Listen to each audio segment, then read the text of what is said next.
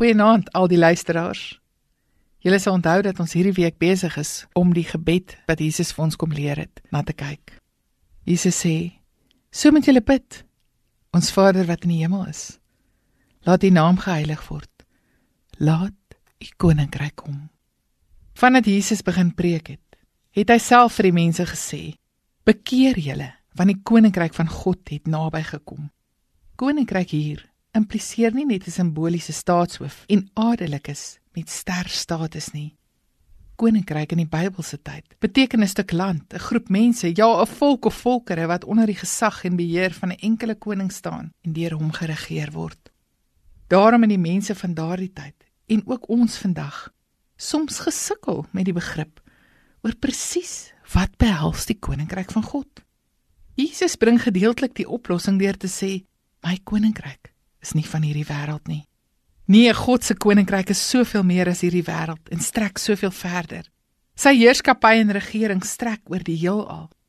In hierdie dae van politieke onsekerheid wêreldwyd, waar lande se gesondheid en groei en wêreldekonomie geraak word deur watter leiers waar regeer en mense gespanne lewens leef omdat mense en markte ewe wisselvallig is.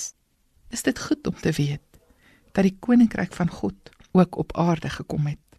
Mense en regeringspartye sal kom en gaan.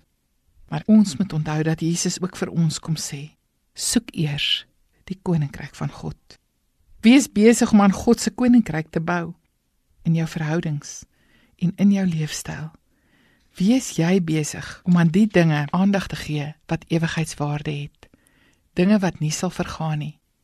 So baie van ons tyd en ons werk word in beslag geneem deur seker te maak ons doen dinge wat sal maak dat ons genoeg geld verdien om hier op aarde te kan oorleef. Ons bou aan 'n dak oor ons kop, kos op ons tafel en 'n leefstyl wat ons as suksesvolle mense moet bevestig.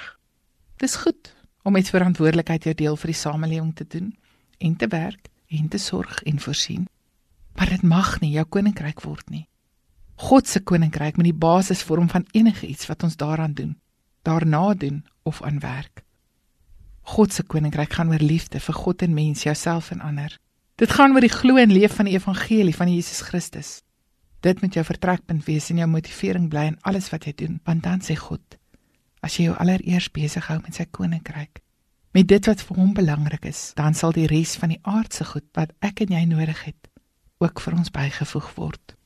Here, laat u koninkryk ook in ons lewe kom as prioriteit as vertrekpunt vir die manier waarop ons ons lewe inrig. Amen.